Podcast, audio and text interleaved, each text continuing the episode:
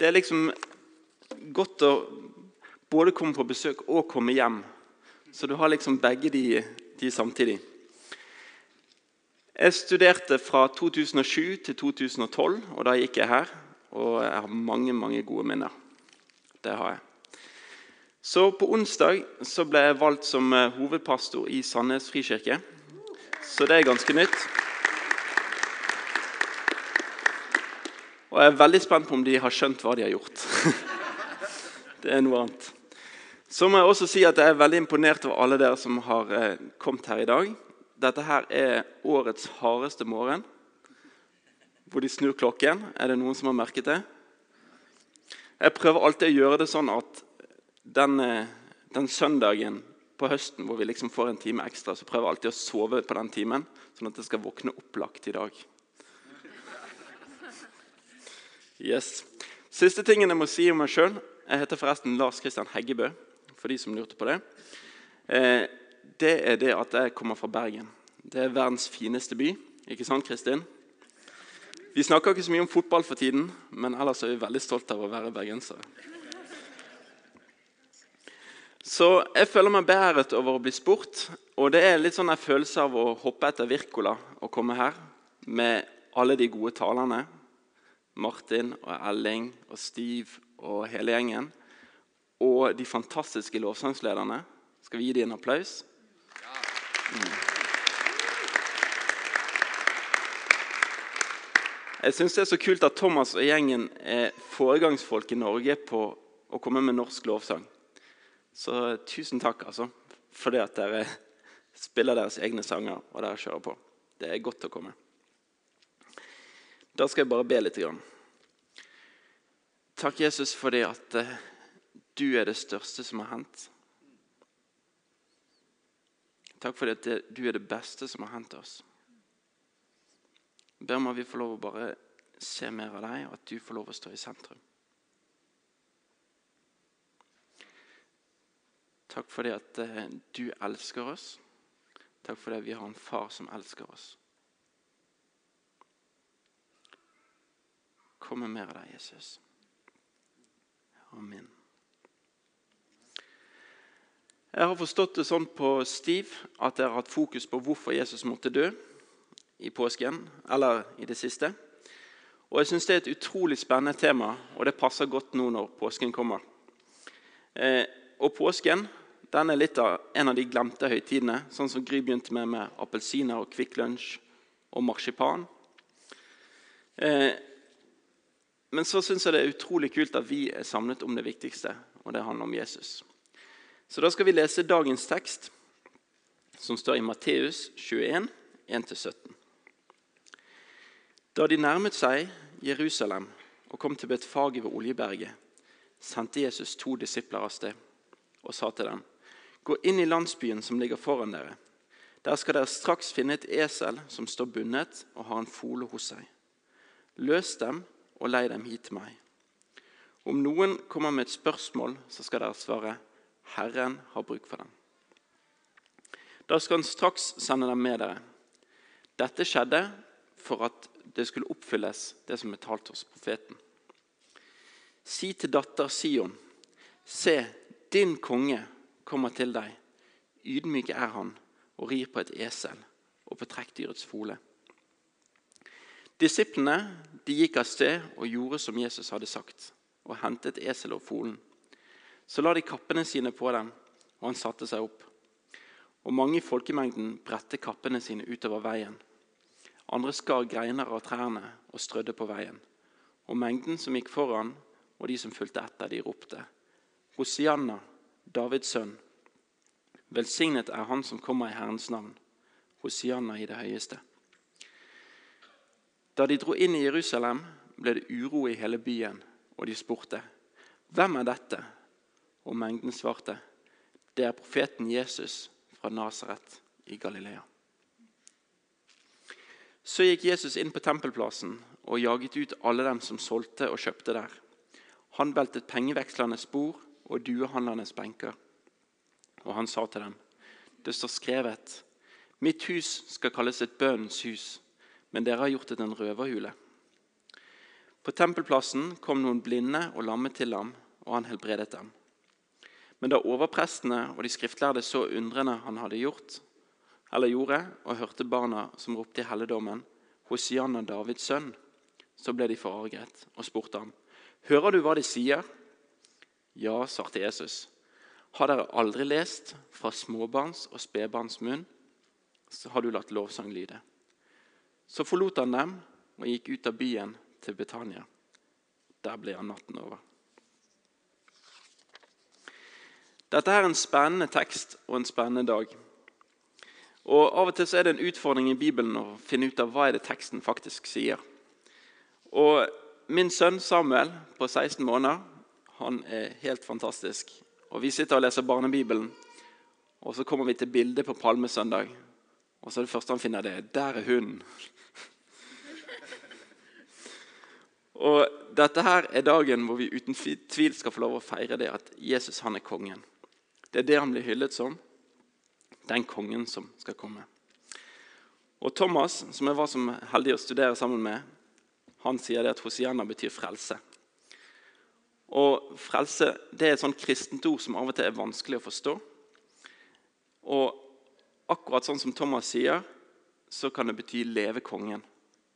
Og Det er et ønske om at det skal gå kongen godt. Så det de gjør, det er at de hyller Jesus som konge. De sier det at 'du er faktisk konge'. Eh, og så har du den også bønnen om at frelsen må komme, redningen må komme. Eh, de ønsket å få det bedre. Og Det som er spesielt, er det at i denne tiden her så er det et utrolig politisk press. Kanskje litt av det samme som vi ser i dag i Israel. Hvor romerne invaderte riket i 63 år før Kristus. Og Det var et lavpunkt for jødene, fordi at de tenkte de har den sterkeste guden. De er den guden som rår overalt. Og Hvis de er den sterkeste guden, hvorfor skal noen andre komme og invadere dem og på en måte trykke dem ned? Eh, og Det de lengtet etter og lette etter hele veien, det var at frelsen skulle komme. Det skulle komme et opprør som gjorde det at de ble fri. Og I år 70 så ser vi at det skjedde, og da jublet de stort. Selv om det ikke gikk så veldig bra etterpå. Eh, og Vi ser også dette her i disippelflokken til Jesus, hvor det var en av disiplene som het Simon Seloten. Er det noen av dere som har studert han? Nei, det er ikke så mange som har gjort det. Men han var en del av selotene, som er opprørspartiet. Han var en del av de revolusjonære som er liksom Nå skal det komme. Nå skal det skje noe. Og Jesus han lever midt i denne politiske spenningen. Og han klarer å bruke den utrolig hårfint. For hvis jødene ville at han skulle lede et opprør mot romerne, så ville romerne ha tatt han. Og i påsken i Jerusalem så var det rundt tre millioner jøder som kom fra hele området. Og Romerne var ekstra påpasselige med å slå ned et opprør. Så Jesus markerer seg, men samtidig ikke så mye at romerne tar affære. Fordi at Jesus han er ikke innstilt på å ta den jordiske makten.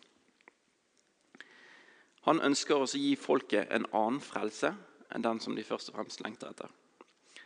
Han ønsker å gi sjelene frihet. Eh, han ønsker å befri dem fra mørkets makter. Og Derfor så velger Jesus å ri inn på et esel. Og Det eselet det symboliserer fredelige hensikter. Og ikke en hingst som ville symbolisert makt.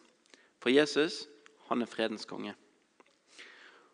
Og Noe av det som slår meg i denne teksten, spesielt hvis vi leser parallellteksten også, altså i de andre evangeliene, det er det at eselet det er, omgitt, det er, omtalt som en som ingen har ritt på før. Eh, Jesus han var den første som rei på det. Og Vanligvis så er ikke det en så veldig god idé å prøve noe for første gang når du liksom har hele folkemengden der. ikke sant? Hvordan kommer dette til å gå? Kommer du til å steile? Eh, men det som er utrolig stilig, det er at Jesus sier 'Herren har bruk for det'. Herren har bruk for det. Og kanskje er du her i dag som opplever litt den greien der. Du føler det at eh, du får ikke brukt de gavene som du har. Du får ikke anledning til å prøve deg frem. Du har et eller annet som som du skulle ønske at her kunne det skjedd noe? Og så sier Jesus, uansett hvilken erfaring vi har, uansett hva vi har å skryte av eller ikke, så sier Jesus, Herren har bruk for det. Og Det tror jeg er godt å få lov å ta med seg. Herren har bruk for oss. Herren har bruk for deg. Og Så kan vi også lære av dette, sånn som Thomas Åleskjær delte på Impuls i år. Jeg vet ikke om det var mange av dere som var der. Noen var. Han snakket om donkey time.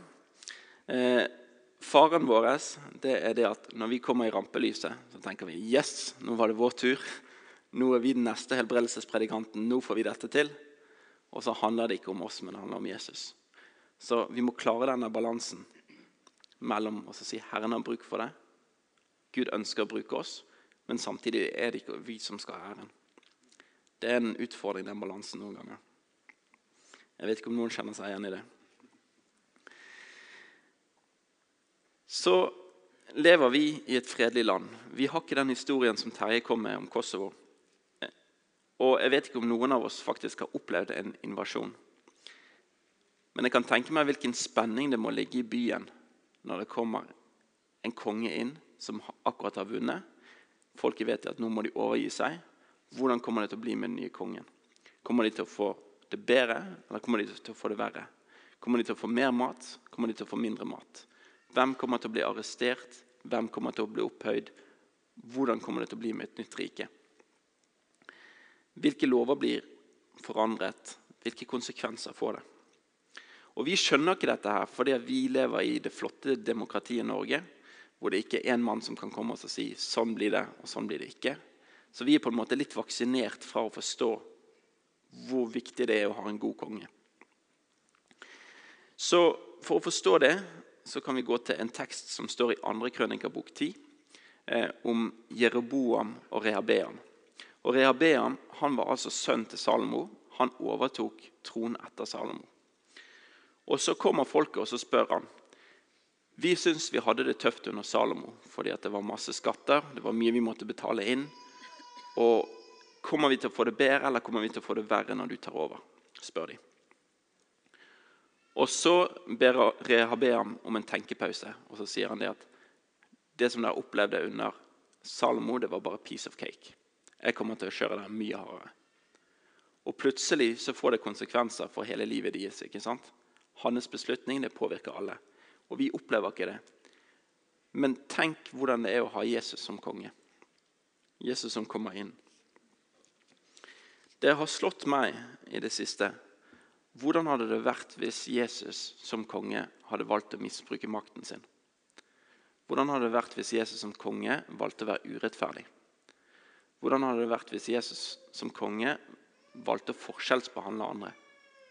Er det noen som har tenkt på det før? Og Det slår meg hvor viktig det er for oss at vi faktisk har en god konge, Jesus. Eh, og Jesus han kunne virkelig ha misbrukt makten sin. Han kunne gitt oss dårlige kår. Hvorfor måtte han faktisk velge å ofre seg sjøl for oss? Han hadde ikke trengt det, men han valgte å gjøre det likevel. Tenk å ha en konge som ikke misbruker kongemakten sin, men faktisk velger å ofre seg for oss. Um, nå er det en fare for spoiler for dere som ikke har hørt påskehistorien før og som ikke vil vite hva som skjer. Det er vel for så vidt ødelagt allerede. Men, eh, men triumftoget til Jesus på palmesøndag det snudde fort. Fem dager etterpå, sånn som vi så på videoen, så henger han, kongen, naken på et kors utenfor Jerusalem. Med spikrer gjennom beina og hendene fordi at han skulle oppleve mest mulig smerte. Han hadde ikke hatt noen problemer med å unngå det, men han valgte det. Og Jesus han er fascinerende fordi han er den mektigste mannen som noensinne har vært i Jerusalem. Og tolv legioner engler kunne han bare trykke på en knapp, holdt jeg på å si, så hadde det vært det. Og så velger han likevel å ikke misbruke makten sin. Han velger å ikke ta det som, som ser fristende ut, nemlig makten i Jerusalem akkurat der og da. Men han er mye mer opptatt av det som er viktigere sjelenes frelse. Redde oss. Han gir opp alt det som han har, uten å skryte. Hadde vi klart det? Jeg kjenner det er en utfordring når vi møter fattigdommen i verden. ikke sant? Gjør sånn som Jesus. Gi opp alt en har, uten å skryte. Og Jeg er utrolig takknemlig for det at Jesus ikke velger den korteste løsningen. Han velger ikke å befri Jerusalem for en tid. Han velger ikke å følge folkets forventninger, men han velger å gjøre det som vi trenger alle sammen sjelenes frelse. For denne verden den varer en kort tid i forhold til det som skal komme. Um, nå skal vi prøve å gå inn på noe teologi. og Det er alltid viktig at vi prøver å forklare det sånn at folk skjønner det. Men det Jesus gjorde på korset, det deler vi i teologien ofte opp i tre forskjellige vinklinger. Og Det er den klassiske forsoningslæren. Det handler om at Jesus han vant seieren over maktene og myndighetene på korset. Og på en måte beseiret det onde. Så har du den ob objektive forsoningslæren, som handler om at Jesus han tok plassen for oss. Han tok straffen som vi skulle ha. Det er på en måte litt sånn juridisk. Og han døde for syndene våre. Og så har du den subjektive, som handler om at Jesus han overvant avstanden mellom Gud og oss når han døde på korset. Henger vi med? Så disse her viser tre forskjellige elementer av det som Jesus gjorde. Og Jeg skal fokusere mest på den første, den klassiske. For det handler om Jesus som konge. Og Den kampen som Jesus tar, den viser ikke så veldig godt på overflaten. Eh, fordi det blir ikke en stor sånn fysisk kamp akkurat der og da. Men likevel så vinner han en seier som er helt utrolig. Han overvant de maktene og myndighetene som er interessert i å trykke oss ned, som er interessert i å rive oss ned, som er interessert i å ødelegge alt som finnes. Jesus sier jo at tyven kommer for å stjele, drepe og ødelegge. Men jeg er kommet for at jeg skal få evig liv, og liv i overflod. Det er forskjellen. Og dette her overvant Jesus på korset. Og tenk å ha en sånn konge som faktisk overvinner det som sliter mest på oss, men som vi ikke vet om. Og Dette her blir understreket i et av yndlingsversene mine som står i Kolossene 2,15. Han kledde maktene og myndighetene nakne og stilte de frem til spott og spe da han viste seg som deres seierherre på korset. Og så stoppa det ikke her. Jesus vant ikke bare seieren på korset, men det skjedde noe utrolig viktig. Paulus han understreker det og sier det at hvis Jesus bare døde på korset, så ville ikke troen vår være verdt noe som helst. Fordi det er ganske mange andre som har dødd før. Men det er ikke så mange andre som har stått opp før. Og det er veldig viktig. Eh, vi merker det spesielt under dåpen, hvor det handler om at vi dør det gamle legemet. Vi dør, akkurat sånn som Jesus døde. Men det som er unikt med at Jesus sto opp igjen, det er det vi òg får lov å stå opp igjen. Vi får ta del i det nye livet som Jesus allerede har gitt oss. Vi trenger ikke å vente til himmelen. Skal vi ta et halleluja? Det er så godt at dere er karismatiske, vet du. Eh, og jeg syns det er utrolig stilig, fordi at i det gamle kroppen, før oppstandelsen, så sitter vi fanget i det som verden kommer med. Vi sitter fanget i synd og død og alt som binder oss fast. Men så døde ikke bare Jesus, han sto opp igjen. Det skal vi få lov å feire skikkelig på andre påskedag og første påskedag. Men tenk så fint det er at vi faktisk får del i det nye livet allerede nå. Og vi har kongen som har vunnet over alle makter og myndigheter. Og han tilbyr seg å være vår konge. Det syns jeg er stort. I Matteus 11,30 så sier, sier, han det at eh, hans åk er lett, og det å komme under hans styre, det er godt. Tenk hvilken forskjell det er på Jesus og på rehabeeren, som bare skulle gjøre det tyngre å være konge. Jesus han velger å gjøre det enkelt. Så på slutten av teksten så er det også veldig interessant. Jeg vet ikke om dere husker så mye av det, men Der står det om renselsen av tempelet. Og Det er litt sånn forskjellige tradisjoner i de ulike, ulike evangeliene for hvor tempelrenselsen kommer. Eh, men hvis vi tar Matteus-teksten som utgangspunkt, så kommer han rett etter Jesus har gått inn i Jerusalem. Og Jesus han går da fra å være den store helten til å være opprøreren. Og Han kunne fortsatt å leve på folkets hyllest og leve på populariteten, men det var ikke det viktigste for ham.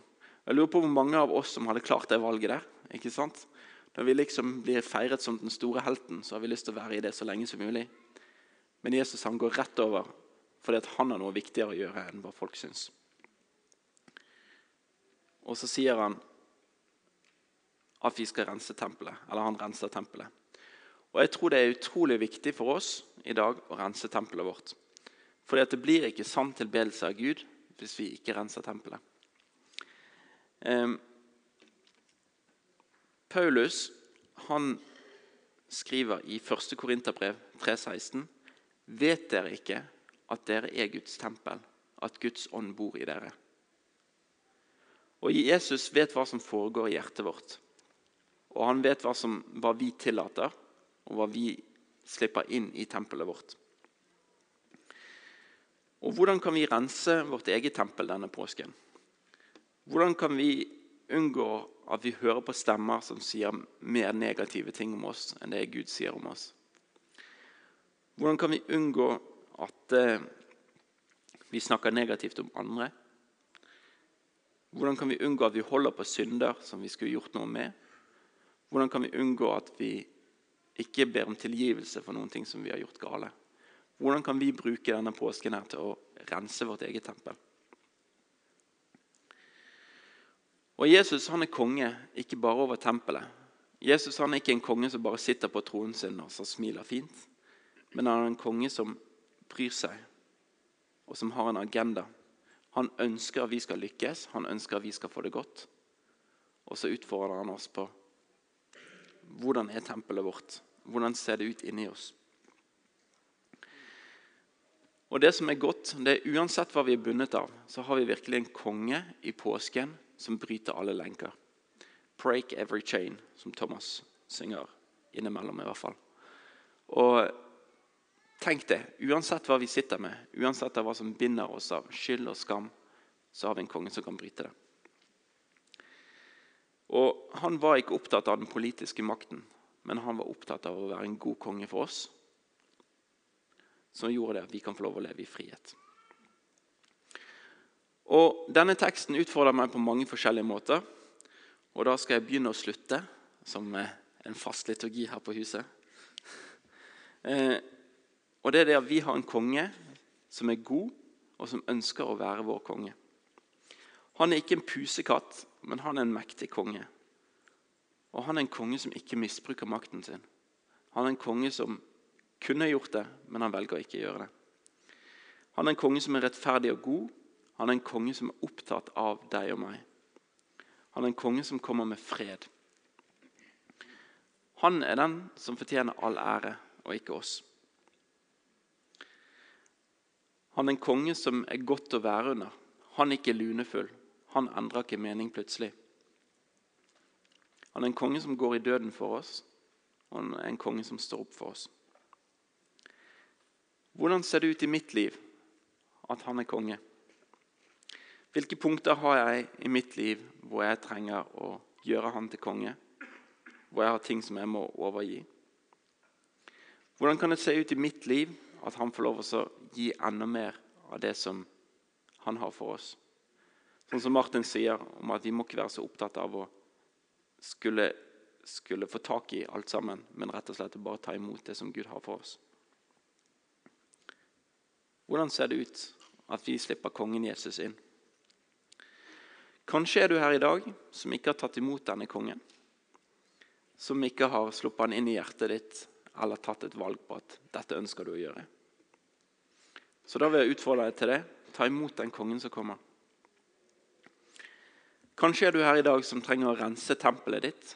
Som vet om hva som sitter der og sperrer. Og så er det litt sånn der Jeg orker ikke helt å ta et oppgjør med det. Men kanskje er tiden inne for det. Eller kanskje er du sånn som eselet, som føler det at Gud har bruk for alle andre utenom meg. Så har han faktisk bruk for deg også.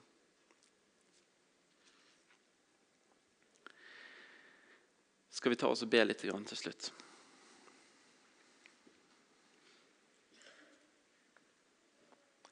Takk, Jesus, fordi at du er den gode kongen. Og takk fordi at du så på det som din glede å redde oss.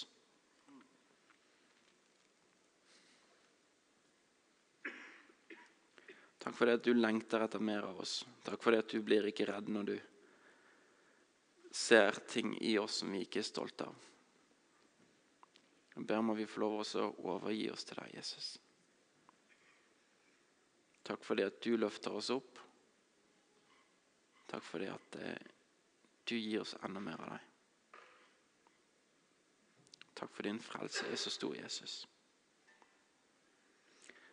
Takk for det at du ikke misbruker makten din. Takk for det at du ikke velger å hoppe på popularitetsbølgen, men du valgte å redde oss. La oss få lov til å se enda mer av deg, Jesus.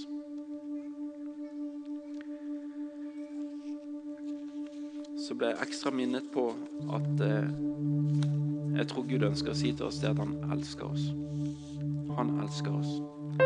Og det er en eh, ord som vi ofte sier, og som vi sliter av og til med å forstå. Men Gud elsker oss.